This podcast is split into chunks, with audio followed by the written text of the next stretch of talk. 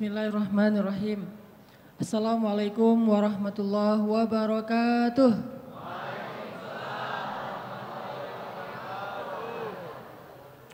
Alhamdulillahirrabbilalamin. Apa kabar anak-anak muda Tasik?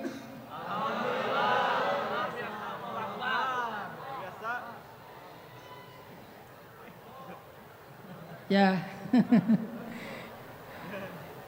ya, eh, pertama-tama saya pengen ngucapin eh, puji syukur kepada Allah Subhanahu wa taala. Ya, boleh deh foto-foto dulu. Ada ya? Puji syukur kepada Allah Subhanahu wa taala yang udah ngasih kita nikmat malam ini kita bisa ngumpul di Masjid Agung Tasik ini bareng-bareng anak muda semuanya dari berbagai macam uh, komunitas dan hobi. Mungkin di sini ada teman-teman dari anak-anak skate yang biasa main di Munsun. Ada anak-anak BMX, ada anak-anak yang senang ke batu karas. Uh, ketahuan kalau yang rajin ke batu karas biasanya agak-agak dop. Ada teman-teman anak motor uh, dari pondok pesantren dan dari mall. Eh, ada mall di sini? Yang rajin ke mall yang malam ini menghabiskan malam minggunya nggak di mall, walaupun itu salah satu hobi saya juga. Mungkin yang biasanya malam minggu nongkrong di Munsun sambil nyeket, walaupun saya juga senang lihat anak-anak skate main, walaupun nggak bisa. Yang malam minggunya biasanya dipakai untuk uh, ngepoin Instagram mantan, Alhamdulillah malam ini kita dapat hidayah ya. Males ngepoin yang udah lalu. Nanti aja ngepoinnya setelah ini.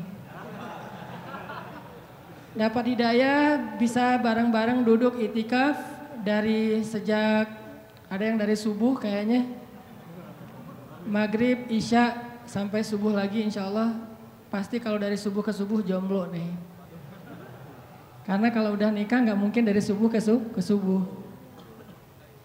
Jadi insya Allah masa-masa jomblo itu adalah masa-masa itikaf. Setuju? Jadi buat jomblo malam ini jangan pulang di sini aja. Kalau pengen pulang harus jadian. Insya Allah yang di atas para bidadari bidadari surga sebetulnya udah menanti dari sekian tahun. Tinggal kita berani nggak nih untuk datang. Udah datang Ustaz tapi ditolak, datang lagi. Ditolak datang aja terus sampai dia capek no, capek nolak. Ini ngomong apa ya? ya, makasih banget udah pada datang dan udah bisa ngumpul di masjid. Kita coba uh, sesekali kalau bisa sering kali mengisi waktu mat mingguan dengan nongkrong di masjid. Mudah-mudahan nanti di depan masjid juga banyak kopi-kopi gratis. Jadi sambil kita nongkrong kita bisa ngopi, kita bisa uh, apa chit-chat sama teman-teman kita tentang ayat, tentang hadis, tentang hal-hal yang insya Allah bisa nambah iman. Makasih banget, saya merasa uh, apa bangga, merasa beruntung bisa ada di antara teman-teman semuanya. Yang jomblo tolong angkat tangan. Masya Allah. Sekali lagi ya di foto ya. Angkat tangan yang jomblo. Masya Allah.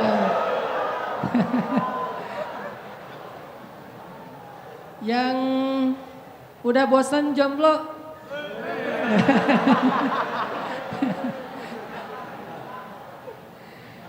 yang di atas tinggal ngetek aja di bawah ya. Yang mana tinggal difotoin ntar zoom in. Insya Allah mudah-mudahan didoain ya Allah kayak gini nih. Tapi jangan terlalu ke depan ya, di situ-situ aja. Ini insya Allah udah gak jomblo pamer. Teman-teman yang dirahmati Allah, malam ini saya pengen sharing beberapa kisah. Dan saya mah bukan ulama yang ilmunya dalam, jadi nggak akan bahas tentang fikih. Ada banyak kiai di Tasik yang luar biasa yang udah sering ngajarin kita tentang fikih mana yang halal, mana yang haram dan seterusnya. Malam ini saya pengen sharing aja nih, sharing kisah-kisah tentang orang yang dibela sama Allah. Kisah-kisah orang yang dibela sama Allah. Pernah nggak dibela sama Allah? Pernah nggak dibela sama mantan? Pas lagi reunian jalan nih ketemuan sama teman-teman, eh ada dia di situ Terus ada yang iseng sama kita atau ada yang baper sama kita, dia belain. Lu nggak usah gitu, dia nggak nggak seburuk yang lo sangka. Pernah nggak dibela sama seseorang yang kita pernah sayang? Yang ada di tikung ya. Ini yang ngebelain kita tuh bukan manusia. Dibelain sama orang tua pasti. Dibelain sama guru kadang. Tergantung kita kan ya, kalau kita baik ya dibelain. Dibelain sama temen, oke okay, itu karena emang satu komunitas, satu main, satu geng, oke okay lah. Tapi sekarang yang ngebelain kita Allah, pemilik alam semesta. Yang kalau Allah udah ngebelain kita, tiba-tiba kita jadi selebgram langit. Diposting sama Allah di Instagram langit. Ada tuh hadis postingan gimana Allah nge-mention kita di antara para malaikat. Gimana cara Allah nge-mention? Allah kalau cinta kepada seorang hamba, maka Allah akan bilang kepada malaikat Jibril, eh Jibril, aku cinta sama Ed Fulan bin Fulan. Pakai Ednya, underscore. Bukan yang akun fake ya, yang beneran. aku cinta kepada Ed Fulan underscore bin Fulan. Maka cintailah dia. Akhirnya Jibril langsung nge-like, langsung nge-follow orang itu. Setelah Jibril nge-follow, dia akan nge-repost. Nge-repost berita dari postingan Allah tadi kepada malaikat-malaikat lain. Dia repost, dia bikin grup di Instagramnya atau grup di WA-nya, broadcast. Apa broadcastnya? Eh malaikat-malaikat, Allah cinta kepada Ed Fulan underscore bin Fulan. Aku juga mencintainya, maka cintailah dia tiba-tiba semua malaikat nge-following dia. Followersnya nambahnya, statistiknya, statistiknya tuh naik drastis. Yang tadinya cuma 1000 2000 sekarang 1,3 juta. Cie. Baru juga segitu. Di follow sama para malaikat. Kalau yang nge-follownya manusia, ah biasa. Yang luar biasa, yang follow itu adalah istri. Jadi nggak usah banyak-banyak sampai sejuta koma tiga. Ah, kalau nggak ada istri satu pun buat apa ya?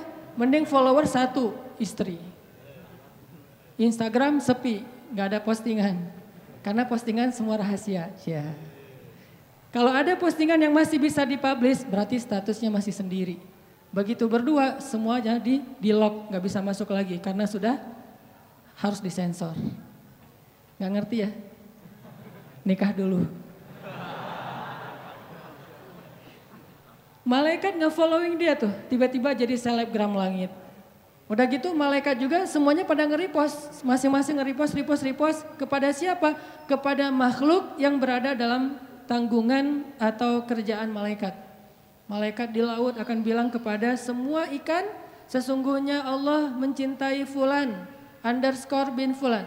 Jibril juga mencintainya, malaikat juga mencintainya, maka cintailah dia sehingga tiba-tiba seluruh hamba Allah Subhanahu wa taala kecuali jin ataupun syaitan semuanya akan ngefollow dia dan mendoakan dia dengan doa-doa yang baik. Bahasa sosmednya semuanya bakalan nge-like. Ini orang yang dibela sama Allah. Nah, pengen gak teman-teman jadi orang yang dibela sama Allah? Dibela sama teman kan kita merasa bahagia banget ya. Oh ternyata dia bela gua gitu. Gimana yang ngebelanya? Allah. Ketika kita punya masalah sama seseorang, Allah yang akan ngedukung kita. Kata Allah, aku sama dia deh, nggak sama kamu. Kita datang ke calon mertua, kita bilang, Pak, Assalamualaikum, Waalaikumsalam. Saya pengen menyampaikan niat baik. Oh ya, ada apa dek? Saya pengen menyempurnakan agama. Gimana? Saya pengen nikah. Oh bagus itu dek. Dengan anak bapak. Nah itu kurang bagus dek.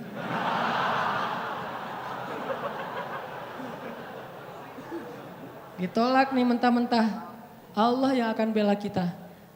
Pulang, ya Allah dia nolak saya. Engkau maha melihat, engkau maha mengetahui.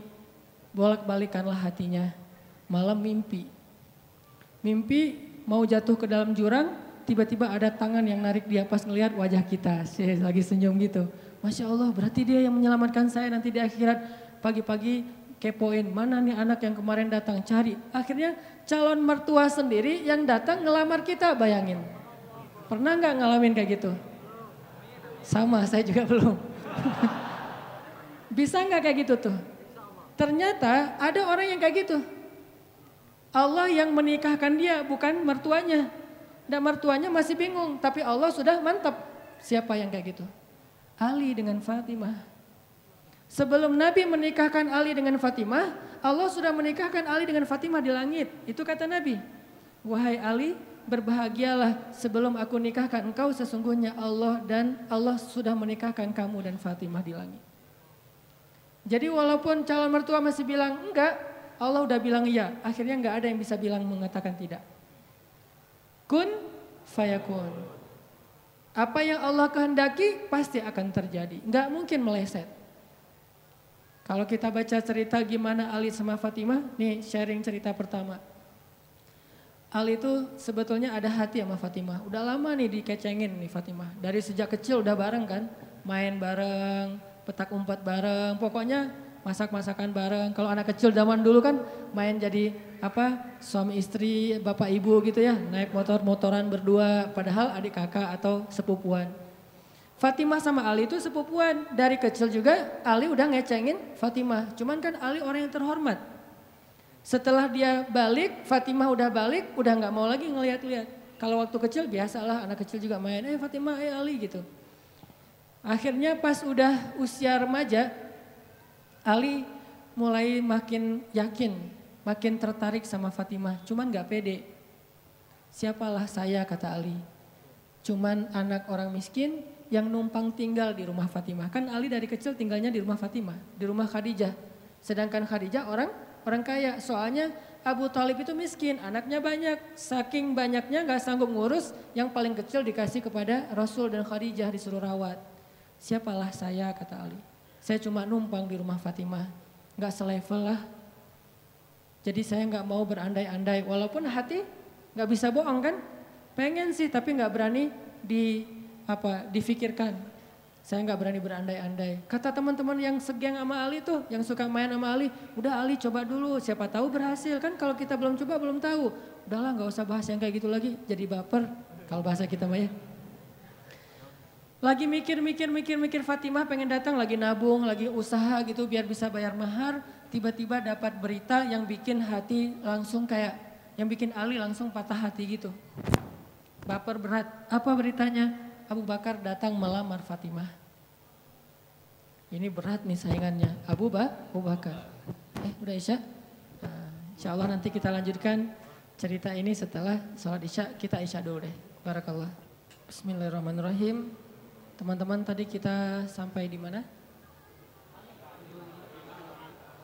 Oh pernikahan antara Ali sama Fatimah. Judul kajian kita malam nih orang-orang yang dibela sama Allah. Kisah orang-orang yang dibela sama Allah. Dan kita pengen belajar gimana caranya kita bisa jadi salah satu di antara orang itu. Yang kalau kita lagi punya masalah sama teman dibela. Yang kalau kita ditolak Allah yang membela. Bentuk pembelaan Allah tiba-tiba Allah membolak-balikan hati orang itu dan buat Allah membolak-balikan hati itu lebih ringan dari kita membolak-balikan telapak tangan. Ada yang susah bolak-balik telapak tangan? Duh susah eh, nggak ada kan ya? Gampang banget kan? Segampang itulah bahkan lebih dari itu buat Allah untuk libul kulub membolak-balikan hati. Buat teman-teman ya yang di sebelah selatan masjid Mohon bersabar, jangan memaksa masuk supaya semuanya nyaman. Kan ayatnya berlapang-lapanglah dalam majelis. Jadi berikan tempat untuk orang yang uh, sudah masuk duluan. Mudah-mudahan yang di luar dapat pahala lebih karena bersusah payah untuk datang dan ternyata tempatnya agak jauh. Jauh di mata. Enggak, blunder. Aneh. Oke, lanjut. Lupa eh. Buat Allah membolak-balikan hati itu lebih gampang dari kita ngebolak-balikin tangan kita. Gampang banget nih. Jadi nggak ada yang di mata Allah atau dalam persepsi Allah ada hati yang kayaknya nih susah banget nih dibalik dibolak-balik. Jadi kamu mending nggak usah ke situ lagi deh. Saya juga kewalahan ngebolak-balik hati dia. Enggak, mudah. Terus kenapa ada yang dibiarkan, ada yang dibalikan hatinya? Karena ada yang pantas, ada yang tidak pantas. Jika kita sudah punya kepantasan, Allah akan balikan hati kita kepada kebaikan. Allahumma habib ilainal iman wa zayyinhu fi qulubina wa karrih ilainal kufra wal fusuqa wal isyan waj'alna minar rasyidin. Hafal doa itu? Nanti cari di YouTube lah ya. Ya Allah jadikan kami cinta kepada amal soleh dan jadikan rasa cinta itu indah di dalam hati kami jadikan kami benci kepada dosa dan jadikan kami termasuk orang-orang yang mendapat petunjuk. Allah bolak-balikan. Gitu juga dengan hati calon mertua. Gimana pun dia nge apa ngeblok, nggak boleh masuk lah, gerbangnya digembok segala macam. Ah cuma gerbang. Mau seribu lapis gerbang, kalau hatinya dibalikin, hilang semuanya tuh. Gampang banget kan? Buktinya malam ini nih, Allah membolak-balikan hati kita yang tadinya punya macam-macam rencana pada malam minggu, akhirnya Allah balikan hatinya, udah ke Masjid Agung aja deh. Bukan karena saya, bukan karena pemuda hijrah, bukan karena teman-teman panitia, tapi karena Allah mengikat hati kita, mengarahkan hati kita untuk bisa datang ke masjid. Sehingga ribuan anak muda tiba-tiba memakmurkan dan meramaikan majelis ilmu. Kalau di ribuan orang aja bisa Allah bolak-balikan hatinya, apalagi cuma satu orang. Ya, ada berapa ribu sekarang? 15 ribu? Lebih nih Masjid Agung ini e, daya tampungnya berapa? 10 ribu ya? Sampai keluar. Berarti sekitar 20 ribu. Ini benar-benar sesuai dengan yang yang dulu banget saya harapin dua tahun yang lalu bisa ngalahin Tomorrowland minimal DWP lah ya. Bisa ngalahin DW, DWP atau kalau bisa Tomorrowland. Saya pernah kemarin tuh acara eh, taklim di Pekanbaru, Anur, yang datang sekitar 25 ribu anak muda di depan masjid penuh. Malam yang sama ada acara juga di mall, tapi acaranya sepi, yang taklimnya rame. Masya Allah. Habis itu baru ke mall. tetap aja sama-sama rame. Intinya teman-teman mudah buat Allah. Sama kayak Allah membolak-balikan hati Nabi Muhammad. Mertuanya Ali bin Abi Thalib. Padahal udah yang datang itu kurang keren apa coba? Abu Bakar. Secara fisik terkenal Abu Bakar itu orangnya putih. Nggak terlalu gemuk jadi badannya tuh bagus. Terus orangnya dermawan, akhlaknya paling mulia dan gak pernah syirik sejak zaman jahiliyah. Di antara sahabat Nabi yang gak pernah melakukan dosa syirik sejak zaman jahiliyah, Ali dan Abu Bakar. Malah Abu Bakar tuh waktu kecil pernah diajak sama ayahnya untuk nyembah patung. Begitu ayahnya selesai ibadah nyembah patung pergi, itu patung diludahin sama Abu Bakar. Dilemparin kotoran sama Abu Bakar. Apa sih lo patung doang masa disembahin? Kalau lo bisa balas gua coba lo balas dilemparin. Ternyata nggak balas. Dari kecil juga Abu Bakar itu udah nggak pernah syirik. Orang yang sangat terjaga Hanif, dan julukannya juga sama dengan julukan Nabi Ibrahim Siddiq. Wadhkur fil kitab Ibrahim innahu kana siddiqan nabiyya. Ibrahim Siddiq, Abu Bakar Siddiq sama nih. Bahkan Nabi sering membandingkan Abu Bakar sama Ibrahim. Engkau wahai Abu Bakar seperti Ibrahim. Engkau wahai Umar seperti Musa. Ya yalah Umar ya Musa kan nggak sengaja Noel orang langsung meninggal kan ya. Ngelihat Bani Israel agak ramai gitu lagi mau gelut sama orang Kipti. Karena Musa kasihan kepada Bani Israel yang lemah akhirnya dia cuma Cuma ditakol dikit lah si orang uh, Kipti ini teh. Cuma apaan sih lo? Meninggal. Belum diginiin baru gini doang coba. Jadi kalau dulu ada ultimate fight kayaknya Musa tuh juara bertahan tuh. Nah kalau di zaman Nabi orang kayak Musa, Umar. Jawara, Kures. Kalau ada yang macam-macam sama Umar, lo berani sama gue. Nih lo lihat nih, nih, nih, nih. Gak ada yang berani sama Umar. Kalau lo pengen istri lo jadi uh, janda, Anak lo jadi yatim, lo tunggu gua di belakang di belakang gedung itu. Eh, gedung, bukit. Gak ada gedung dulu teh. Gak ada yang berani nungguin Umar. Lancar aja tuh hijrahnya. Artinya Abu Bakar itu sering dibandingkan kayak Ibrahim. Terus dengan Nabi akrab banget tuh Abu Bakar. Jadi kayak solmetan berdua tuh.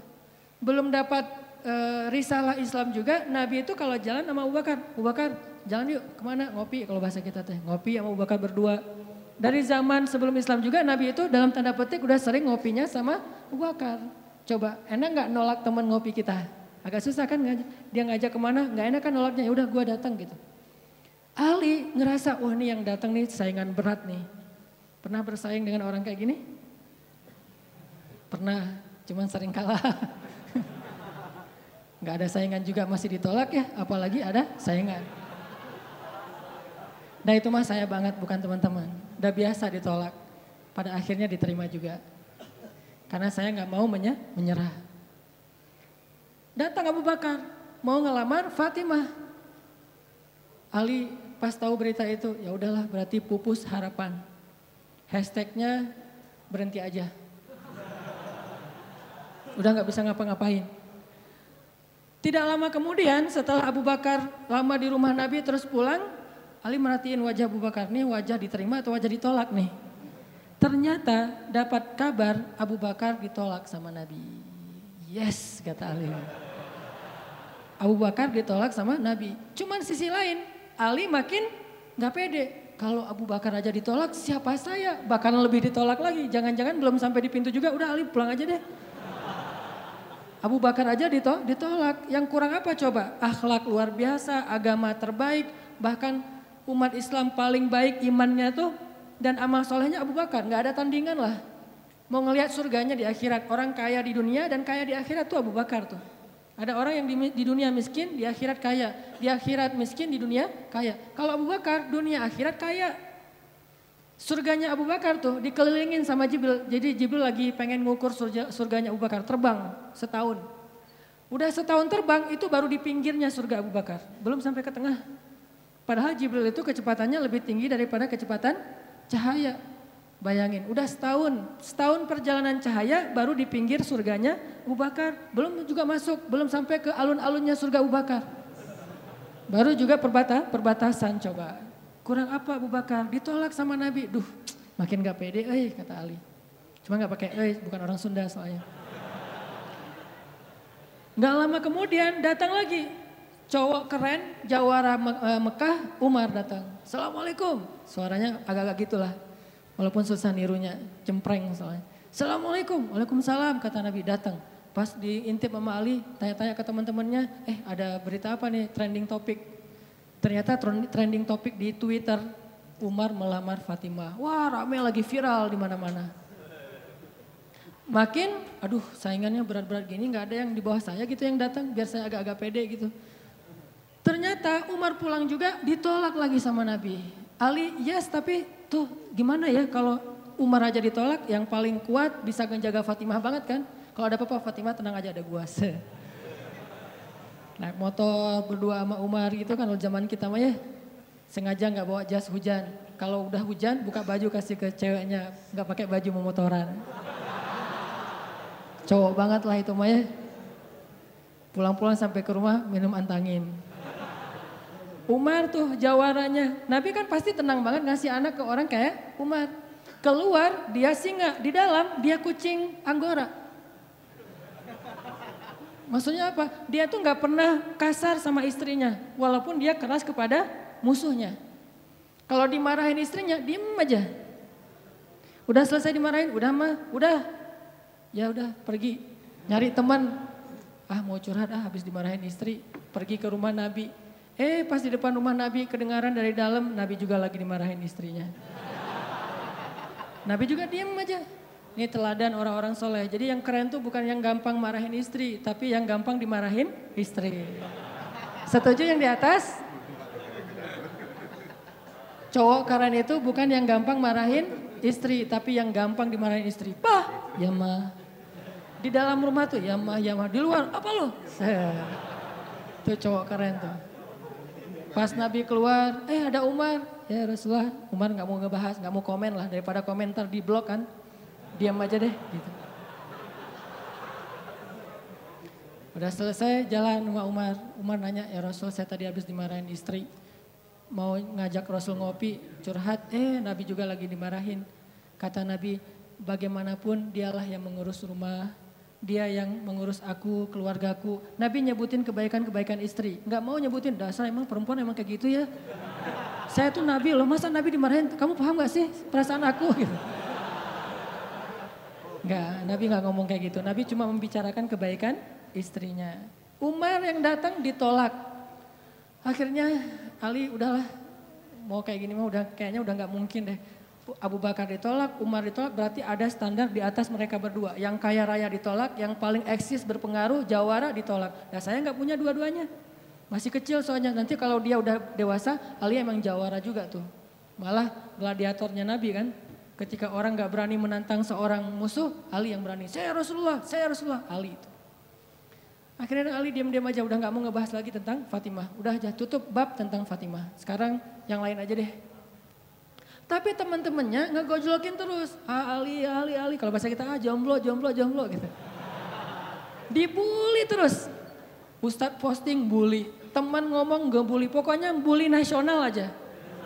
Karena dibully-bully terus akhirnya Ali memberanikan diri ya udah datang deh bertamu. Pokoknya malam ini diterima ditolak walaupun kemungkinan besar ditolak saya harus datang dulu nih sama Nabi. Beraniin diri gak usah majang mikir datang. Assalamualaikum, waalaikumsalam. Ali Ali masuk ada Nabi kan senang banget sama Ali ya kesayangan Nabi banget lah pokoknya Ali itu. Duduk, ada apa Ali? Enggak, cuma pengen silaturahim. Enggak ngomong apa-apa coba. Cuma pengen silaturahim. Nabi sehat, mau diambil air hangat. Oh pokoknya gitu-gitu aja. Ali ada apa? Enggak ada apa-apa ya Rasulullah. Cuma kangen aja pengen duduk sama Nabi. Kayak gitu aja terus. Lama-lama Nabi kan paham. Dan Allah yang kasih wahyu. Ali kamu uh, gimana sama Fatimah? Langsung. Fatimah. Kebayang gak sih perasaan kita tuh sama orang yang kita kayak udah ngeklik banget, udah habis-habisan pokoknya kalau nggak dia saya mending gak usah nikah deh. Gitu ya. Kalau nggak dia mending saya jomblo aja seumur hidup. Kalau nggak dia mending saya bunuh diri aja. aja. Udah gitu bunuh dirinya nggak mati lagi kesangkut di tiang listrik. Ali itu udah hatinya tuh udah kena banget sama Fatimah dan itu karena Allah. Allah yang mengikat hati mereka berdua. Pas Nabi bilang gitu, Ali langsung curhat. Ya Rasul, ya saya pengen, tapi saya nggak punya apa-apa. Kata Rasul, kamu punya apa? Uh, saya di rumah tuh cuma punya tiga barang. Satu pedang, satu onta, satu baju besi. Gak punya emas, gak punya apa pun. Kata Nabi, kalau pedang kamu butuh untuk berperang. Onta kamu butuh untuk mengangkut air. Ya udah deh baju besi aja, bawa ke sini baju besinya. Untuk jadi mahar buat Fatimah. Beneran Rasul baju besi? Itu bajunya besi loh Rasulullah bukan yang tangan kayak gitu apa cincin. Gak apa-apa kata Rasulullah. Keluar Ali Allah Akbar, Allah Akbar. Orang-orang pada heboh. Langsung muncul lagi trending topik hashtag Ali diterima. Coba, kata Nabi, wahai Ali, bergembiralah, berbahagialah. Sesungguhnya sebelum aku menerima kamu, Allah sudah menikahkan kamu dengan Fatimah di langit. Ini orang yang dibela sama Allah. Apa rahasianya? Oke, cerita kedua. Orang yang dibela sama Allah namanya Hafsah. Siapa Hafsah? Anaknya Umar. Hafsah itu artinya singa betina. Jadi bapaknya singa jantan, anaknya singa betina sama-sama luar biasa nih. Hafsah istri Nabi, salah satu di antara istri istri Nabi yang soleha. Suatu hari nggak tahu gimana ceritanya, ada masalah antara Nabi dengan Hafsah. Ini nggak dibahas di dalam teks hadis apa masalahnya dan kita nggak usah kepo ya.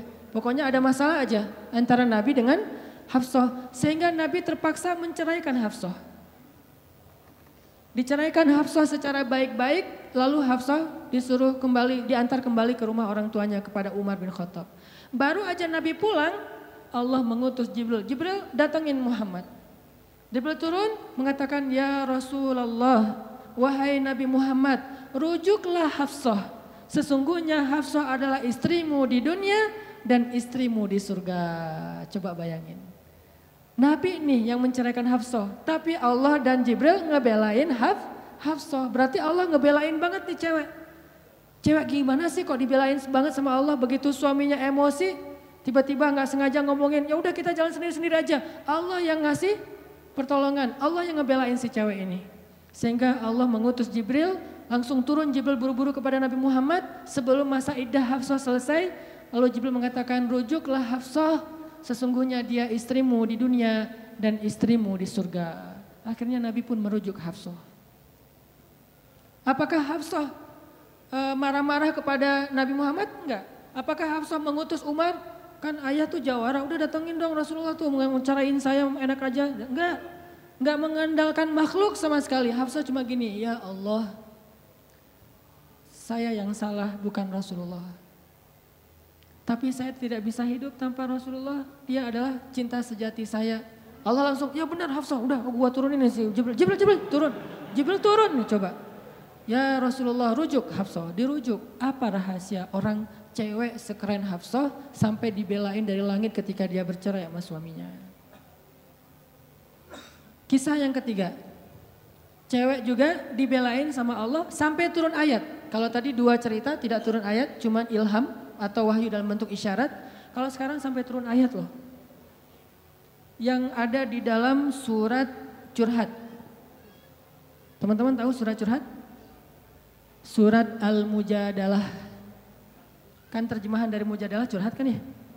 Jadi kalau kita pengen lihat curhat itu juga ada di dalam Al-Quran. Bahkan nama eh, jadi nama surat, surat curhat. Al-Mujadalah atau Al-Mujadilah. Siapa yang dikisahkan di dalam surat itu? Coba teman-teman buka surat Al-Mujadalah surat 58 ayat 1. Yang punya aplikasi Al-Quran di handphonenya. Coba buka surat 58 ayat 1 Al-Mujadalah.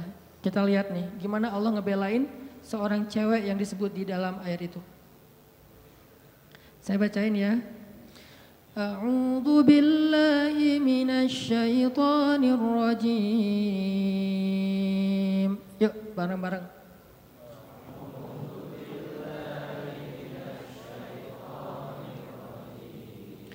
بسم الله الرحمن الرحيم.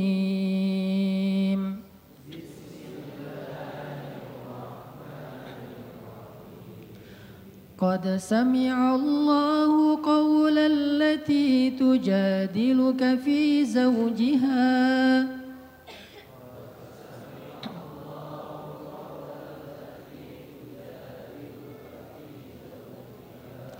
وتشتكي إلى الله.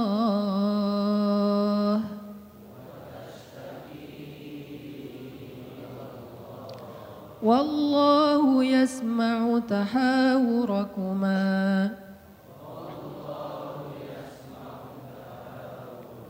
إن الله سميع بصير.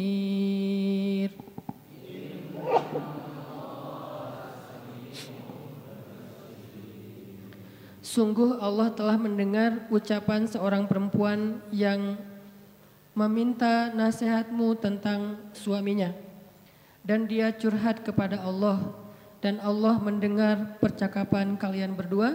Sesungguhnya Allah maha mendengar, lagi maha melihat. Siapa cewek ini? Namanya Khawlah bintu Sa'labah. Namanya Khaw, Khawlah. Catat tuh, biar kita kalau ngegosip, gosipnya tentang sahabat. Siapa istri Nabi ini gosip ya? Tapi gosip yang benar. Siapa istri Nabi yang pintar masak? Jarang dengar kan? Istri Nabi yang pintar masak namanya Zainab.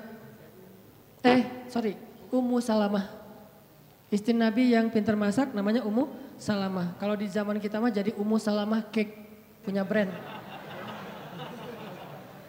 Pokoknya kalau Ummu Salamah udah masak, Nabi itu senang banget. Masakan kesukaan Nabi itu dimasakin sama Ummu Salamah. Nah sekarang kita ngebahas cewek lain nih yang dibela sama Allah pas dia lagi ada masalah dengan suaminya namanya Khawlah bintu Sa'labah. Apa yang terjadi? Khawlah tuh diuji dengan punya suami pemarah. Orangnya tuh gampang bete, gampang marah-marah. Pokoknya kalau udah jalan sama suaminya di jalan dia marah-marah aja sama supir angkot marah, sama motor marah, marah aja kerjaannya. Dasar nih orang nggak bisa nyetir, dasar nih angkot, dasar kerjaannya marah marah-marah. Dan kalau istrinya salah dikit dimarahin sama suaminya. Sampai suatu saat saking suaminya ini udah marah dan emosi banget, suaminya pun menzihar khaulah. Apa menzihar? Menzihar itu menyebutkan istri seolah-olah jadi ibu sehingga dia menjadi haram buat suaminya kayak ditalak tiga gitu. Kamu buat saya seperti ibu saya. Berarti udah nggak bisa lagi jadi suami istri, udah jadi kayak ayah eh, apa ibu dan anak. Itu tradisi Arab jahiliyah. Nah gara-gara dia dizihar sama suaminya, dia kan bingung. Terus kalau saya udah digituin, apakah saya masih boleh serumah sama suami saya? Masih boleh tidur bareng dengan suami saya kan bingung nih minta nasihat dan fatwa kepada kiainya. Waktu itu adalah Rasulullah SAW. Datang nih kaulah ke Nabi dalam wajah yang sedih. Baru dizihar, ditalak tiga sama suaminya dia datang. Ya Rasulullah, apa hukum seorang suami yang mengatakan kepada istrinya, engkau bagiku seperti punggung ibuku. Artinya udah nggak halal lagi. Nabi mengatakan kalau gitu engkau wahai kaulah sudah cerai dengan suamimu. Udah nggak bisa lagi bareng. Bersabar wahai kaulah Akhirnya Khawlah pun pulang dalam keadaan sedih, dia curhat kepada Allah, ya Allah, memang suami saya itu banyak salahnya.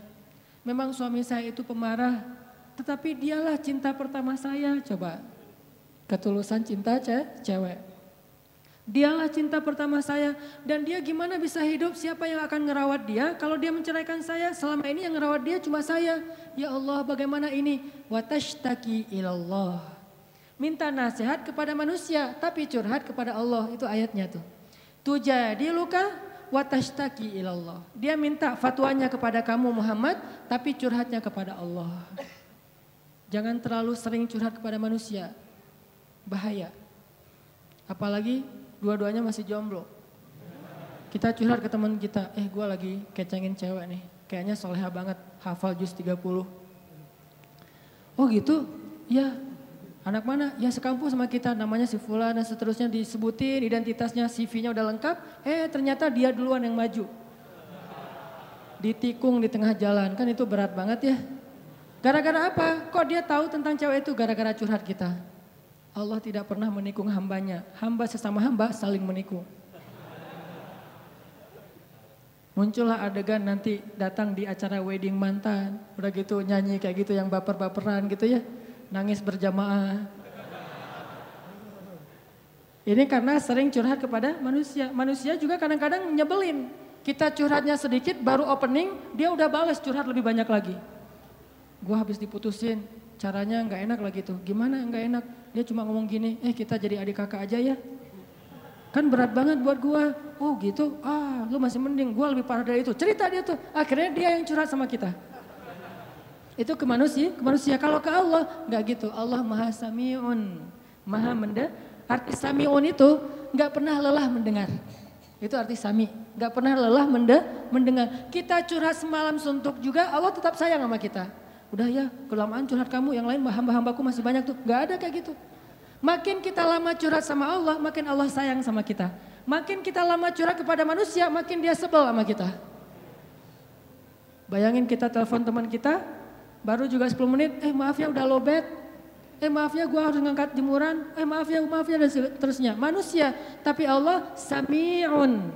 Maha mendengar. Arti maha mendengar ini Allah tuh gak pernah bosan ngedengerin curhat hambanya. Jadi bukan hanya dia ambil dari angle Allah maha mendengar segala ucapan kita, bukan cuma itu angle-nya. Ambil angle-angle yang motivasi.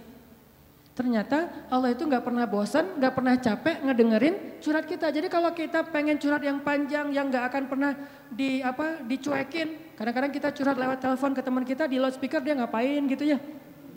Kok nggak ada suara dia kok diam-diam aja. Eh kamu dengar kan? Dari jauh dia langsung lari. Iya dengar terus pergi lagi. Kita ngomong sendiri, teleponnya ditaruh di atas bantal dia pergi. Itu manusia, Allah enggak. Wa idza sa'alaka ibadi anni fa inni qarib. Kalau kita tanya ke Allah pengen curhat, Allah bukan menjauh. Apa-apa, sini sini, dekat. Allah malah mendekat pada kita. Apa? Wahai hambaku ada apa? Kalau teman kita menjauh, kalau Allah mendekat coba. Sami'un qaribun. Orangnya tuh qarib. Kalau bahasa kita karib, akrab orangnya. Eh bukan orangnya, zatnya. Allah itu zatnya akrab, asik gitu. Gak, gak, gak, gak bakalan nyebelin. Allah gitu banget sih, saya udah capek-capek curhat semalaman ternyata gak didengar. Enggak, sami'un. Curhat ke Allah. Begitu kaulah curhat ke Allah, akhirnya Allah turunkan ayat ini. Sesungguhnya Allah sudah mendengar dan melihat percakapan kalian berdua. Maka sesungguhnya zihar itu perbuatan dosa, maka tetapi bisa untuk dianulir. Gimana menganulir zihar? Nanti dijelasin di ayat-ayat berikutnya. Allah marahin suaminya, Allah menasehati Rasulullah sehingga akhirnya Rasulullah memanggil kembali, "Khaulah, khaulah ke sini dong." Datang khaulah ada apa ya Rasulullah? Allah telah mendengar percakapan kita wahai khaulah. Allah mendengar percakapan Rasul dengan khaulah dan disebutin percakapannya sehingga kemudian Allah mengatakan sesungguhnya perbuatan zihar itu adalah dosa besar dimarahin tuh suaminya sama Allah. Allah sendiri yang marahin suaminya. Gimana kok ada cewek yang dibela banget sama Allah sampai suaminya dimarahin Allah ketika menyakiti dia. Ini seseorang yang luar biasa, sesuatu banget nih. Bisa nggak kita jadi cewek-cewek yang seperti khaulah di zaman now? Ya. Bisa nggak tuh? dibelain sama sama Allah. Begitu kita ada masalah sama teman kita, dia menghina kita, mencela kita, Allah yang ngebelain kita. Mungkin gak akan turun wahyu lagi karena wahyu sudah terputus sejak Rasulullah wafat. Tapi Allah punya banyak cara membela hambanya, bukan cuma dengan wahyu. Apa rahasia kaulah jadi orang sekeren ini?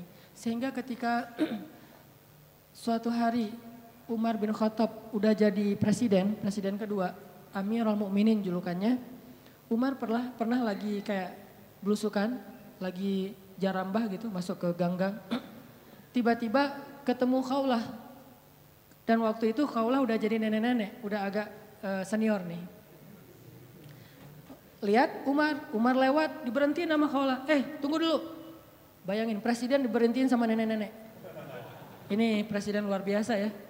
Mobilnya dengan apa segala pas pampresnya diberhentiin sama dan pakai pas pampres karena banyak yang pengen bunuh Umar kan, akhirnya terpaksa pakai pengawal.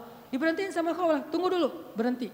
Umar turun dari ontanya, kemudian Khawlah mengatakan, ya Umar, coba digini-giniin sama Khawlah. Nenek-nenek giniin presiden. Ya, Khaw, ya Umar, dulu itu kamu itu cuma anak kecil ingusan yang kami panggil Umair. Umar itu artinya Umar kecil. Kayak Sem jadi Semi, anak ke kecil jadi. Umar jadi Umair, pakai Y. Mungkin orang barat juga nyontohnya dari bahasa Arab. Pakai Y jadi kecil. Ataki, kalau jadi Y, Ataki kecil. Umar, Umair. Hei Umar, dulu tuh kamu cuma anak ingusan yang kami panggil Umair. Artinya lo mah junior, saya yang senior. Itu maksudnya. Terus tiba-tiba Allah memberi kamu tubuh yang gagah, kekuatan yang luar biasa sehingga kami memanggil kamu dengan Umar. Lalu Allah memberikan kamu hidayah sehingga kami memanggil kamu Al-Faruq. Lalu Allah memberikan kepada kamu amanah sehingga menjadi pemimpin sehingga kami memanggil kamu Amirul Mukminin. Ketahuilah wahai Umar, sesungguhnya kamu bukan siapa-siapa tanpa Allah Subhanahu wa taala. Dinasihatin nih presiden sama nenek ini. Pengawalnya presiden agak tersinggung. Udah-udah ya nenek, minggir minggir minggir presiden mau lewat gitu. Kata Umar, "Dah, Biarkan dia, wahai pengawal. Kalian tahu nggak siapa dia? Emangnya siapa? Pengawalnya kayaknya nih anak-anak baru hijrah gitu, belum kenal gitu. Nggak tahu siapa kau? Kaulah. Jadi bukan orang-orang yang udah Islam dari awal. Nggak tahu cerita kaulah. Kalian tahu nggak siapa dia? Siapa ya Amirul Mukminin? Dialah orang yang karenanya turun surat Al-Mujadalah atau Al-Mujadilah. Allah saja ngebela dia dari langit. Siapa kalian yang pengen mengusir dia? Akhirnya semuanya pada cium tangan kaulah. Kalau dalam bahasa kita mah. Akhirnya baru rumah, ya udah ada lagi nek. Gak ada, udah pergi aja. Ya udah pergi. Coba siapa orang yang seperti kau lah dibela sama Allah, diistimewakan sama Allah sampai akhirnya orang-orang sekelas Umar pun gak berani macam-macam sama kau lah. Apa rahasianya? Ini kau khaulah. Cerita yang lain orang yang dibela sama Allah Subhanahu wa taala itu uh, Aisyah istri Nabi Shallallahu alaihi wasallam yang dijuluki dengan panggilan dua panggilan Aisyah. Yang satu panggilannya Humairo. Apa arti Humairo? Kalau lagi malu wajahnya merah. Pernah ngeliat cewek wajahnya merah? Pakai gitu ya. Kalau Aisyah itu bukan karena dia make upan, memang wajahnya merah kalau lagi malu. Kalau Nabi muji-muji Aisyah, malu ah, merah. Malu pakai ngomong. Itu mah saya. Aisyah Humairo, wajahnya kemerah, kemerah-merahan. Saking putihnya Aisyah, Abu Bakar itu kan orangnya putih. Makanya anaknya juga, kenapa dipanggil Abu Bakar? Padahal bukan nama aslinya, itu apa Aka lah ya, S non S gitu. E, Aka Abu Bakar. Kenapa dipanggil Abu Bakar? Abu Bakar itu artinya bapak yang punya anak perawan yang cantik-cantik. Aisyah, Asma, itu cantik-cantik semua tuh. Makanya bapaknya dipanggil Abu, Abu Bakar. Kita kalau punya, kita yang belum nikah, yang udah nikah, kalau punya anak cewek dua orang, maka dia bisa dipanggil Abu Bakar. Walaupun namanya bisa aja Asep, bisa aja siapa gitu. Tapi bisa dipanggil Abu Bakar. Kenapa? Punya anak perawan, cantik, soleha. Humairo, Nama lainnya, Nabi juga senang manggil Aisyah itu dengan panggilan Aish. Disingkat Aisyah jadi Aish. Dalam bahasa Sunda jadi Eis. Eh itu benar. Pasti orang Sunda manggil Eis itu asal muasalnya dari panggilan Aisyah. Karena kita nggak bisa susah ngucapin A, dari Aish jadi Eis. Berarti orang Sunda juga ada hubungannya dengan para ulama. Eis. Jadi yang manggil istrinya walaupun nama istrinya mungkin siapa gitu ya, manggil aja Ais. Kok Ais sih? Aisyah gitu. Ais. Panggilan sayang Nabi ini. Saking cantiknya Aisyah, banyak yang sebetulnya baper ketika Nabi nikah sama Aisyah. Patah hati cowok-cowok Madinah. Wah apaan sih Nabi nikah sama Aisyah? Rame aja tuh. Ketika Nabi nikah sama Aisyah. Suatu hari Nabi itu lagi jalan, lagi touring gitu sama sahabat-sahabat bahasa dulu mah berangkat berjihad ya. Cuman sebutlah touring. Karena Nabi sambil berjihad juga sambil touring sambil main. Nah Nabi itu kan kalau berangkat touring bawa istri ya. Jadi kalau yang berangkat touring gak bawa istri kurang ikut sunnah menurut saya. Touring memotoran bawa istri. Tadi jangan bawa jas hujan. Cie. Biar kalau hujan mah. Wih gak pakai baju. Nah Nabi lagi touring nih dengan para sahabat sekitar seribu motor lah ya bermerek onta. Jalan. Jalan touring sama para sahabat di tengah jalan mampir di rest area. Kan panjang nih perjalanannya ada rest area ini kayaknya rest areanya bagus masjidnya gede gitu ya ada KFC segala macam lah bisa makan di situ ada apa tempat ngopi mampir tuh di rest area pas lagi mampir di rest area Aisyah kan dia naik uh, kendaraan yang tertutup onta di atasnya ada kayak tandu gitu ditutup khusus buat cewek biar nggak kepanasan. Kalau yang cowoknya naik onta yang terbuka. Kalau bahasa kita sekarang tuh mobil lah ya. Aisyah naik mobil, suaminya naik motor. Yang nyetir siapa ya? Dan cara ini nih ada gimmick dikit tapi penting ya. Bekal buat teman-teman nanti kalau udah nikah.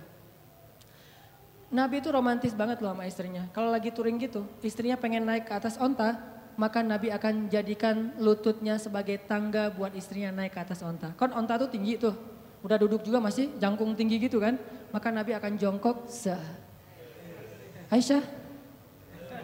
Akhirnya Aisyah nginjak lutut Nabi, dipegang sama eh, tangan Nabi, dinaikkan ke atas onta. Tuh cowok banget tuh. Makanya kalau kita pengen naikin istri kita ke atas motor, walaupun motornya bebek ya, gak masalah lah. Motor bebek, udah diceperin lagi tuh, rendah gitu ya. Mah, apaan sih Pak bisa sendiri kali gitu. Pengen ikut sunnah malah gagal. Jadi sunnah Nabi itu banyak yang seru-seru loh, keren-keren. Baca aja siroh dia, jangan cuma baca hadis teks ya. Baca juga sih siroh, banyak banget sunnah Nabi yang keren-keren, romantis. Touring nih, berhenti di rest area. Aisyah punya kendaraan sendiri. Pas lagi berhenti di rest area, Aisyah pengen uh, ke belakang. Karena di rest area itu ada toilet segala macam, ada ikhwan, ada khawat, Aisyah pergi ke belakang. Waktu itu Aisyah pakai kalung yang diberikan oleh ibunya, kalung hadiah pernikahan. Cuman centelannya itu udah agak-agak longgar gitu.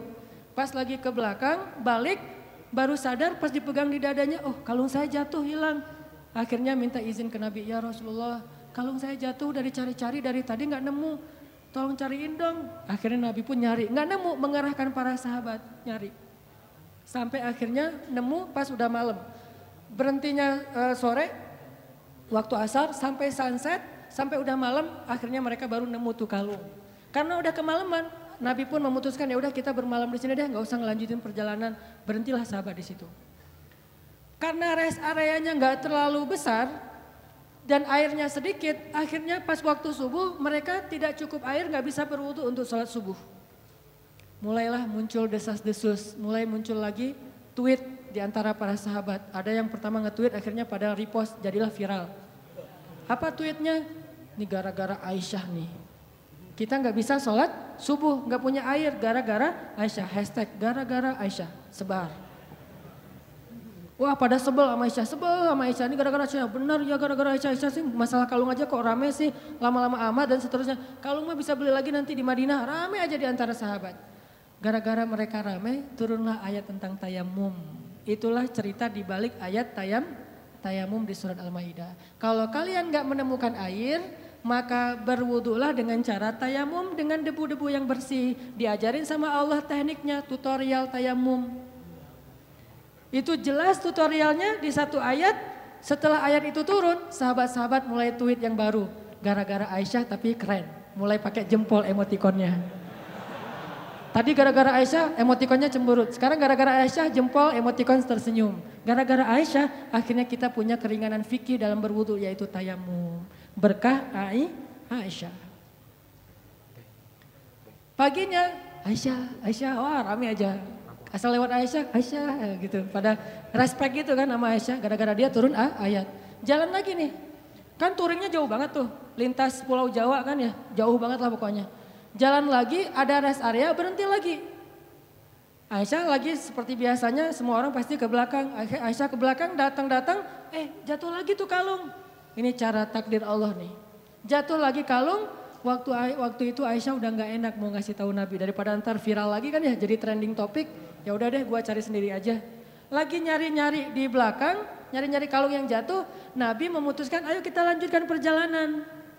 Sehingga para sahabat pun men, apa, e, membe, membangunkan, memberdirikan onta itu dan jalan. Nah tadi Aisyah kan masuknya di atas tanduk. Waktu itu sahabat yang mengangkat tanduk nggak sadar kalau di dalamnya Aisyah udah nggak ada. Kenapa? Itu menunjukkan bahwa Aisyah itu kurus. Itu komen ulama di hadis tersebut. Makanya kalau baca hadis jangan cuma baca teksnya, baca komennya juga. Biar lebih jelas gitu. Oh ternyata kata ulama Aisyah itu kurus. Kenapa bisa kurus? Dia rajin zumba. Zumbanya Aisyah ngepel di rumah, beres-beres rumah itu zumbanya Aisyah. Jadi keringatan terus sehingga badannya tuh bagus. Gak pernah lebih dari 55 kilo. Kalau ada di atas 55 kilo berarti gak ikut sunnah. Ya. Buat cewek ya, buat cewek. Aisyah tuh masih kurus, jadi dia ada di dalam tandu nggak ada, sama aja nggak terlalu ngaruh. Karena berat tandu lebih berat daripada Aisyah. Begitu diangkat oleh para sahabat, nggak sadar kalau Aisyah udah nggak ada di dalam tandu. Jalanlah Nabi. Yuk berangkat, berangkat semuanya pada jalan. Kalau di tol kan nggak bisa balik arah tuh, udah jalan-jalan aja, ketinggalan di rest area. Nah Aisyah lagi nyari-nyari, pas dia dapat, senang, alhamdulillah udah dapat nih. Balik ke tempat Nabi tadi berhenti, ternyata pasukan Islam atau rombongan touring udah pada pergi. Ketinggalanlah Aisyah dari rombongan touringnya. Karena tertinggal, Aisyah pun berpikir nanti kalau Nabi sadar pasti Nabi akan jemput lagi nih. Ya udah saya tunggu aja. Sambil nunggu Aisyah pun duduk di sebuah batu bersandar. Karena nunggunya lama bersandar di batu lama-lama ketiduran. Tertidur di, sebu di sebuah batu gitu. Nabi kalau ngelakuin touring biasanya menempatkan seorang sahabat sebagai penyisir jalan di belakang. Takutnya ada barang yang ketinggalan, orang ketinggalan kayak gitu. Namanya Sofwan bin Mu'attal.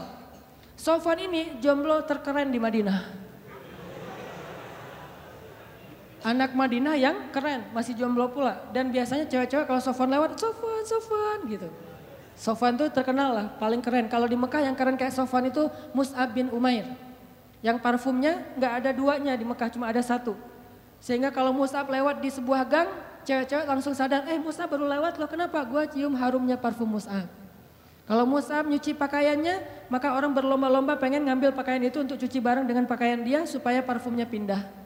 Saking kerennya parfum, memang parfum gimana? Harga satu 100 milinya, 100, uh, ya 100 mili itu yang kecil, 20 juta.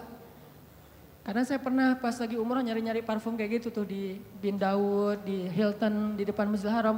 Pas saya masuk ditanya sama yang penjaganya, dari mana Indonesia? Udah gak usah masuk deh. Kenapa? Ah Indonesia bakhil katanya. Kalau Malaysia boleh masuk, kalau Indonesia nggak boleh ini penghinaan nih kata saya nih. Masa orang Malaysia boleh masuk? Soalnya orang Malaysia kalau masuk beli, kalau kita cuma window shopping gitu kan, oh nggak pergi. Saya tanya, karena saya bisa bahasa Arab capruk, anak uhebu supermil lah pokoknya ya. Capruk aja, banyakin ain aja pokoknya biar Arab gitu ya. Akhirnya dia nggak ngerti, udah masuk aja lah. Karena nggak ngerti ya daripada rame, masuk ngeliat parfum satu milinya, 100 apa, 100 mili, 100 mili yang kecil gitu, harganya 200, 20 juta. Pas saya lihat langsung jantungan. Wah 20 juta, berarti sekali pakai 100 ribu. Toel, eh, dicoel sekali 100 ribu, dua kali 200 ribu, sehari 500 ribu pakai parfum doang. Itu Mus'ab bin Umair. Sofwan gitu juga tuh. Anak Madinah yang bisa dibilang cowok kecenya Madinah lah. Lagi nyisir, lagi nyisir pas sampai di rest area ngeliat ada cewek lagi tidur di atas batu, bukan tidur lebih tepatnya bersandar di batu ketiduran. Pas Sofwan mendekat, ngelihat wajahnya ternyata itu Aisyah. Langsung Sofwan bertawuz. Auzubillah rajim. Terus Sofwan mengatakan, taraju, innalillah wa inna ilaihi rajiun. Taraju. Taraju yang di Tasik Garut itu dari bahasa Arab. Taraju. Apa arti taraju?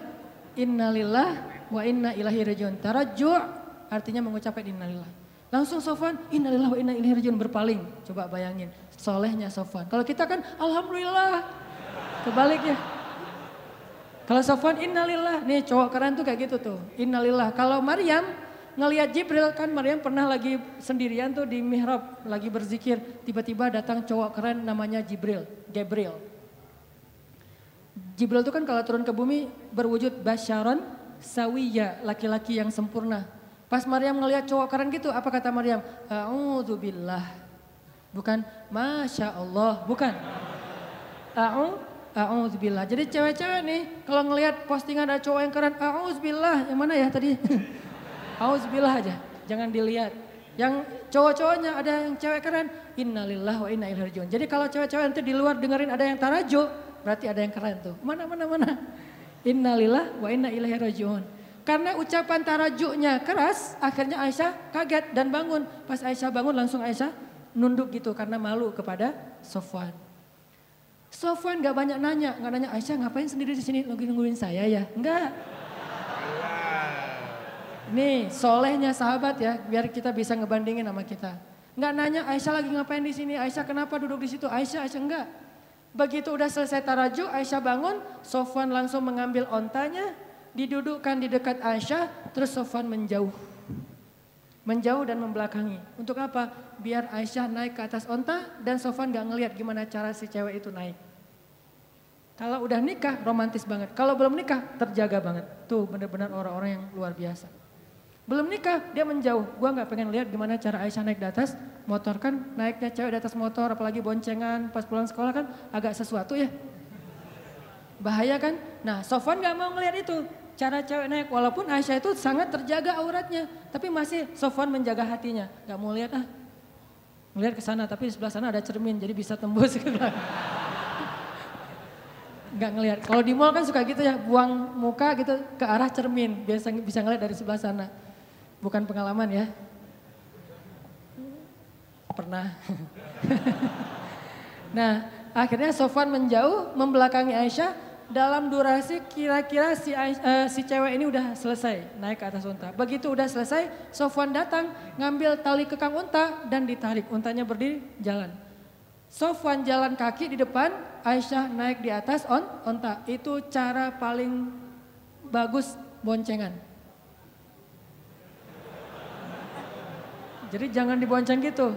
Apalagi nih ojek-ojek online ya. Kalau yang ordernya cewek, neng, naik, neng. Kita mah gak usah naik ke atas motor, di samping aja dorongin motor. Kenapa mang kok gitu caranya? Sofwan. Eh Sofwan itu siapa? Eh, gak pernah ikut talim ya. makin sombong ya, makin ria. Sofwan narik tuh taling kekang onta, Aisyah di belakang. Gak pernah sekalipun Sofwan menoleh ke belakang. Aisyah butuh sesuatu? Enggak. Atau mungkin bisa miss call kalau ada apa-apa. Ini nomor saya modus. Gak ada sama sekali. Aisyah nggak diajak ngobrol Aisyah kenapa tinggal sendiri dan segala macam. Enggak sama sekali. Diam sepanjang perjalanan sampai di Madinah. Nabi sampai di Madinah nggak sadar kalau Aisyahnya ketinggalan karena Nabi nggak langsung pulang. Biasanya nyambut tamu dulu ada urusan negara lah. Nah lama baru dari belakang Aisyah dengan Sofwan muncul. Di Madinah waktu itu kebenaran orang-orang Yahudi lagi nongkrong di gerbang. Karena salah satu hobi orang Yahudi itu nongkrong di jalan. Senang banget nongkrong di jalan tuh. Nongkrong gitu-gitu ya. Di di jalan. Nah pas lagi orang Yahudi nongkrong di jalan, tiba-tiba dari kejauhan datanglah Aisyah dengan Sofwan berdua. Tapi satu di atas onta, satu lagi narik tali kekang onta. Orang Yahudi tadi lagi nongkrong nih, lagi ngobrol. ngobrol. Datanglah Aisyah sama Sofwan, begitu mereka ngelihat Sofwan dan Aisyah, langsung sepi. Diam semua orang Yahudi, diam aja. Diam, diam, diam, tuh ada yang lewat. Diam, pas sudah lewat, eh gue bener ngelihatnya tadi nggak bermimpi nih. Enggak, gue juga ngeliat yang sama. Benar kan Aisyah, benar. Mulai gosip muncul. Judulnya masih aman nih. Aisyah dan Sofwan pulang berdua. Judul standar lah ya, mainstream. Judulnya Aisyah dan Sofwan pulang berdua. Benar nggak? Benar, tapi orang persepsinya apa? Selingkuh kan? Ada affair nih antara Aisyah dengan Sofwan. Judulnya nggak bisa dihujat. Oh, saya tuntut kamu pencemaran nama baik nggak bisa. Orang judulnya benar. Aisyah dan Sofwan pulang berdua. Atau nanti dikembangin lagi. Aisyah dan Sofwan ada apa? Tanda tanya. Bisa aja kayak gitu. Ada apa dengan AADA gitu. Ada apa dengan A Aisyah. Nah gara-gara orang Yahudi nyebarin tweet hashtag postingan kayak gini mulai viral di antara kaum muslimin. Ada apa dengan Aisyah? Aisyah selingkuh, Aisyah dan Sofwan ada sesuatu. Ramelah fitnah di antara kaum muslimin tentang Sofwan dan Aisyah. Sampai akhirnya fitnah ini terdengar kepada Rasul. Nabi juga sempat hampir ragu sama Aisyah. Saking semua orang ngebicarain itu. Eh lo udah dengar berita belum? Apa? Aisyah sama Sofwan ternyata kemarin pulang berdua ada sesuatu tuh. Oh gitu? Kan suka gurih ya? Omongan-omongan kayak gini nih bisa ditambah-tambahin, pecinnya ditambahin, jadilah pecinnya banyak. Makin banyak pecin, makin sedap. Makin susah untuk berhenti kan? Nah gitulah gosip. Akhirnya viral, jadi trending topik di Madinah, Aisyah dan Sofwan ada affair. Sampai ada seorang sahabat, kalau nggak salah namanya Abu Ayub, pulang ke rumah. Nanya ke istrinya, mah udah dengar berita yang lagi trending topik belum? Udah pak, mama juga baru buka Instagram kata istrinya eh mama punya Instagram kok bapak gak di follow? Bahaya. Uh, Aisyah sama Sofwan katanya di fitnah uh, ada sesuatu. Gimana menurut mama? Kata Abu Ayub. Nih jawaban istrinya nih jadi panduan buat kita kalau dengar gosip. Apa kata istrinya? Ya Abu Ayub. Gimana pendapat engkau jika ada mengatakan engkau selingkuh dengan seorang perempuan? Kata Abu Ayub, ya nggak mungkin lah. Papa mau selingkuh, kan udah cukup dengan mama. Mama kan segalanya buat papa, udah gak ada lagi, gak akan terbuka lagi lah hati papa buat cewek yang lain mah. Udah gitu-gitu. Benar pak, benar. Sesungguhnya Sofwan itu lebih soleh daripada papa. Kalau papa gak mungkin selingkuh, maka Sofwan juga gak mungkin. Oh gitu, ya deh. Ditanya lagi sama istri Abu Ayub, Pak, ya Abu Ayub, gimana menurut engkau jika ada yang mengatakan mama selingkuh? Kata Abu Ayub, nauzubillah nggak mungkin. Papa percaya banget sama mama. Mama itu kan cewek yang paling setia, yang menjaga diri dan segala macam. Kata istrinya, sesungguhnya Aisyah lebih soleha daripada mama. Kalau mama aja nggak mungkin selingkuh, apalagi Aisyah. Coba. Gampang kan menyelesaikan masalah kayak gini? Ada isu, sesungguhnya dia lebih soleh daripada kita. Kalau kita aja nggak mungkin, pasti dia lebih nggak mungkin lagi. Gitu caranya, husnuzon. Tapi di luar, berita itu tetap berkembang. Sampai akhirnya Nabi datang ke rumah Aisyah bertanya kepada Aisyah, ya Aisyah, pasti kamu sudah mendengar berita tentang ini. Gimana menurut kamu wahai Aisyah? Kata Aisyah, kalau saya bilang berita itu bohong, mungkin Nabi nggak percaya sama saya. Padahal itu bohong. Kalau saya bilang itu benar, tapi Allah maha tahu bahwa itu tidak benar. Maka saya tidak akan membela diri. Wallahul musta'an. Saya akan curhat hanya kepada Allah saja. Allah yang maha menolong. Masuk ke kamar. Aisyah kecewa gitu sama Nabi. Karena Nabi dianggap nggak ngebelain Aisyah. Nabi juga bingung, benar nggak, benar nggak, emang kayak gitu. Saking parahnya berita ini. Nabi juga bingung nih, hampir aja Nabi menceraikan Aisyah. Saking luar biasanya fit, fitnah. Eh nggak lama kemudian Nabi dalam keadaan sedang sedih, sedang sedang apa uh, rasa perasaannya itu lagi kacau banget. Turun surat An-Nur ngebelain Aisyah. Sesungguhnya orang-orang yang menyebarkan berita bohong itu adalah bagian dari umat Islam sendiri. Ternyata yang menyebarkan itu bukan orang Yahudi, orang Yahudi cuma munculin. Tweet pertama orang Yahudi, tapi yang bikin dia viral orang Islam. Mungkin postingan pertama bukan dari orang Islam dari luar, sengaja pengen bikin masalah, masalah. Yang bikin itu jadi fitnah kita sendiri nge-repost, nge-repost sembarangan. Mungkin nggak ada masalah sebetulnya kita aja yang membentur-benturkan. Sesungguhnya yang membawa berita bohong itu adalah orang Islam sendiri. Maka katakan kepada mereka jika kalian tidak bertobat sesungguhnya itu zalim yang paling besar. Janganlah kalian meringankan ucapan kalian, meremehkan sesungguhnya di sisi Allah itu dosa besar dan seterusnya dan seterusnya. Satu halaman penuh ayat turun untuk ngebelain Aisyah. Bayangin satu halaman di surat An-Nur. Khusus tentang Aisyah. Akhirnya Nabi pas dapat ayat ini ngumpulin para sahabat, ayo ngumpul ngumpul ngumpul. Nabi pun membacakan ayat itu para sahabat bertakbir, Allahu Akbar. Ternyata sudah turun tabayun dari langit bukan dari bumi. Klarifikasinya yang, member, yang membersihkan nama baik Aisyah dan Sofwan Allah Subhanahu wa taala, langsung dari Allah. Sehingga akhirnya Nabi pun datang ke rumah Aisyah nyari, "Ya Abu Bakar, sudah turun ayat, sudah turun ayat. Mana Aisyah? Mana Aisyah?" Aisyah disuruh keluar oleh Abu Bakar. Ketika Aisyah udah keluar, Rasulullah mengatakan, "Ya Aisyah, berbahagialah. Allah sudah turunkan ayat yang membela kamu bahwa sesungguhnya itu semuanya berita bohong." Aisyah pun masuk lagi ke kamar dalam keadaan ngambek. Abu Bakar masuk ke dalam, Aisyah kenapa masih ngambek sama Rasulullah? Udah ucapin terima kasih sama Nabi. Kata uh, Aisyah, enak aja ngapain saya minta terima kasih ke Rasulullah? Kan yang bela saya Allah, udah biarin aja orang itu. Kata Aisyah coba. Apakah Rasulullah marah? Enggak. Kata Abu Bakar, ya Rasulullah Aisyah lagi ngambek gak mau ketemu. Ya udah nggak apa-apa, memang Aisyah uh, pantas untuk melakukannya. Nabi pun pergi. Biarkan Aisyah menyelesaikan mereka free dulu perasaannya. Selang beberapa hari Nabi datang lagi udah normal lagi. Orang dibela sama Allah sampai turun ayat satu halaman. Kok bisa kayak gitu? Apa rahasianya? Terakhir satu lagi kisah gimana Allah ngebelain uh, hamba yang Allah cintai. Yaitu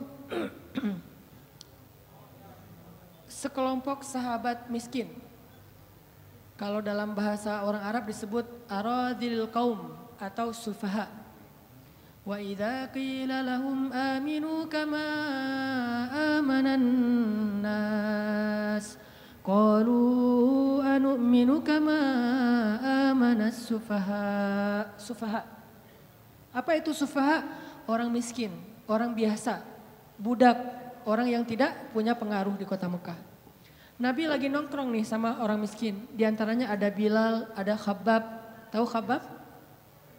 Khabab itu sahabat Nabi yang dibakar hidup-hidup sambil dijadikan kayak kambing guling gitu. Kayak kebab. Itu Khabab tuh. Mungkin dari situ awal kata ininya di apa dibakar hidup-hidup sampai e, nanah atau lendir dari kulit Khabab itu memadamkan api membakarnya. Ini Khabab. Ketika dia udah di masa Umar, Umar suruh Khabab untuk buka baju dan Umar mengatakan saya belum pernah ngelihat ada orang yang tatonya lebih banyak daripada Khabab. Tatoan, tato bekas apa? Bekas dibakar. Kalau kita kan tatonya dibentuk, ini tatonya gara-gara beriman.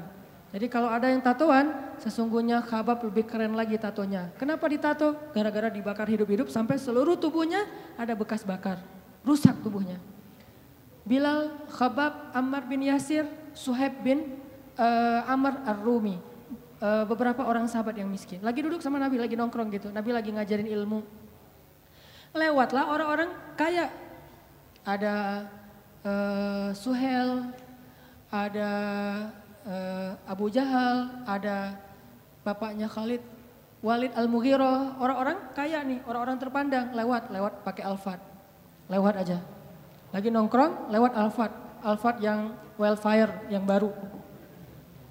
Berhenti nih, turun orang-orang dari Alphard itu naik kuda onta yang paling mahal. Kenapa saya bilang Alphard? Karena emang harga ontanya seharga Alphard. Kalau kita tahu onta merah, itu harga satu ontanya paling murah 2 miliar. Lebih mahal dari Alphard ya, Ferrari lah atau Porsche. Mobilnya, mobil yang kelas udah eh, keren banget. Turun nih mereka dari onta-onta merah yang mahal-mahal, yang gaya-gaya gitu turun. Ngelihat Nabi lagi nongkrong sama sahabat-sahabat miskin, mereka mengatakan, ya Muhammad, gimana kami akan beriman kalau setelah beriman nanti kami disuruh duduk bareng dengan orang-orang kayak mereka. Gak bakalan, gak level kata mereka. Terus apa mau kalian? Kalau kamu pengen kami beriman, coba kamu pisahkan uh, tongkrongan kamu dengan kami, dengan kamu dengan mereka. Pokoknya kami nggak mau nongkrong bareng sama mereka. Bisa nggak? Kata Nabi, bisa. Asal mereka mau duduk mendengarkan ceramah Nabi, nasihat dakwah. Akhirnya mereka pun duduk, Nabi mengatakan ke sahabat-sahabat yang miskin, eh kalian boleh minggir dulu nggak ke pojok sana, saya pengen ngobrol dulu sama mereka, gitu coba. Apakah Nabi mengusir atau menghina mereka? Enggak, Nabi hanya berpikir ini kesempatan penting nih. Orang-orang yang berpengaruh mau dengar dakwah Nabi, kapan lagi nih?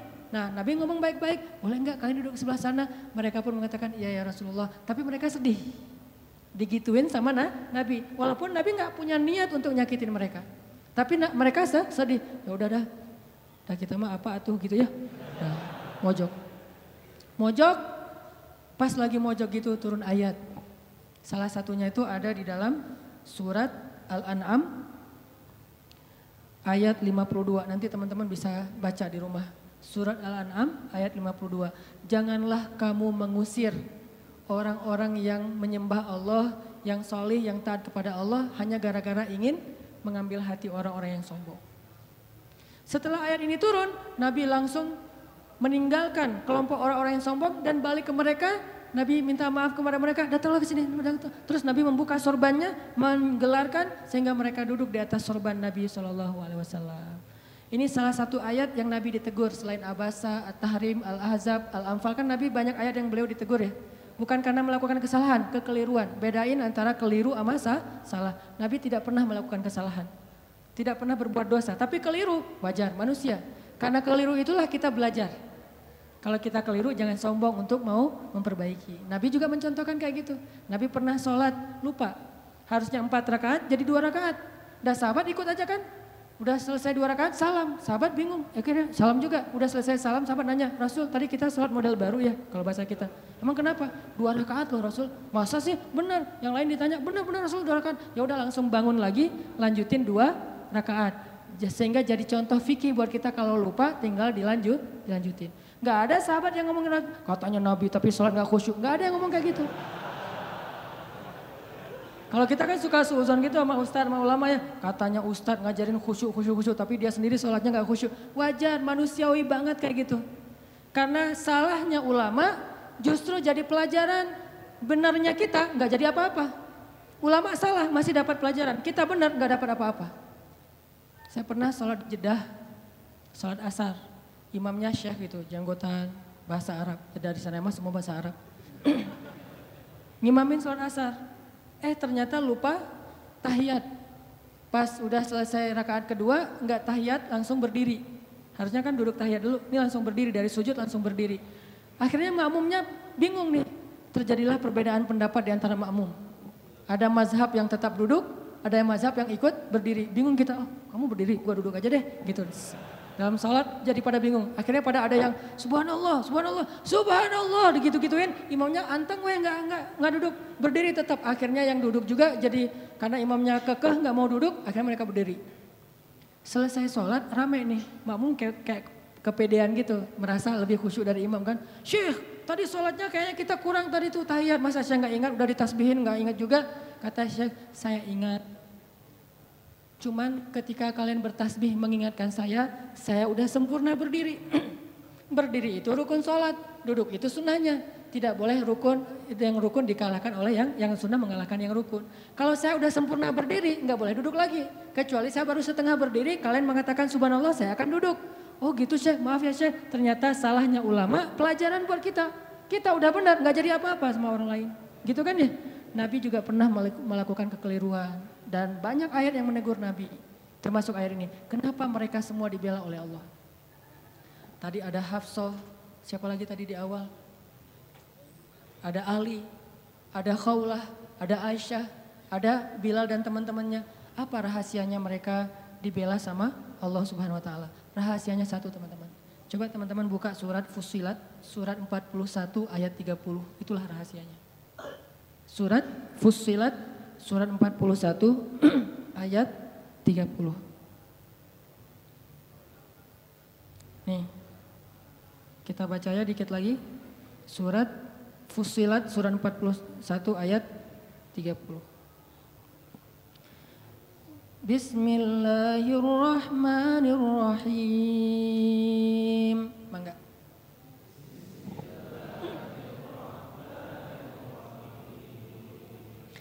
إن الذين قالوا ربنا الله ثم استقاموا.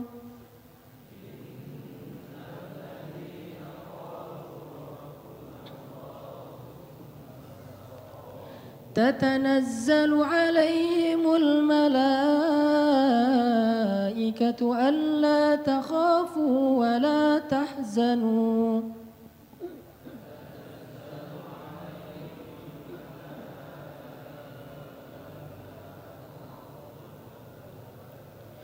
وأبشروا بالجنة التي كنتم توعدون.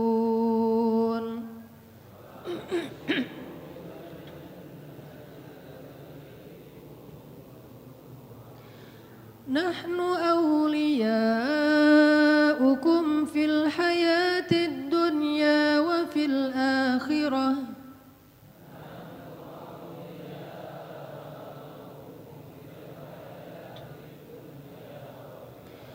ولكم فيها ما تشتهي أنفسكم ولكم فيها ما تدعون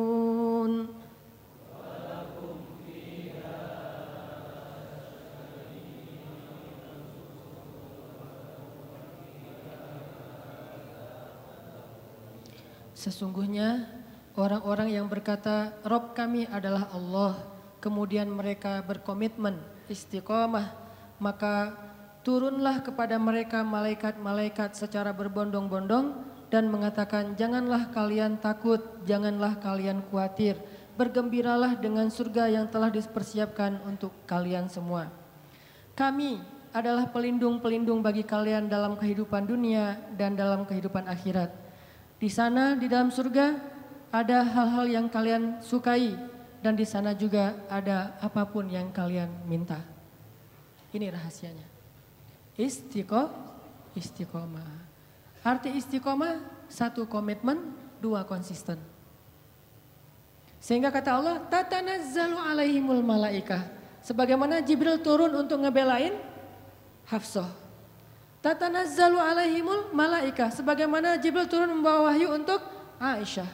Dua kali, satu ayat tayamum, dua ayat untuk membela fitnah terhadap Aisyah. Tatanazzalu alaihimul malaika. Nahnu hukum. Kami yang akan ngebelain kalian, yang akan ngelindungin kalian. Siapa kami? Allah Subhanahu wa taala yang kemudian menyuruh para malaikat untuk ikut serta membela dan melindungi orang-orang yang Allah bela. Siapa mereka? Orang yang istiqomah. Makanya terus saja on the track, jangan sampai kita melenceng. Kalau terlanjur melenceng, langsung balik lagi. Melenceng langsung balik lagi, cara baliknya dengan taubah dan istighfar. Hijrah.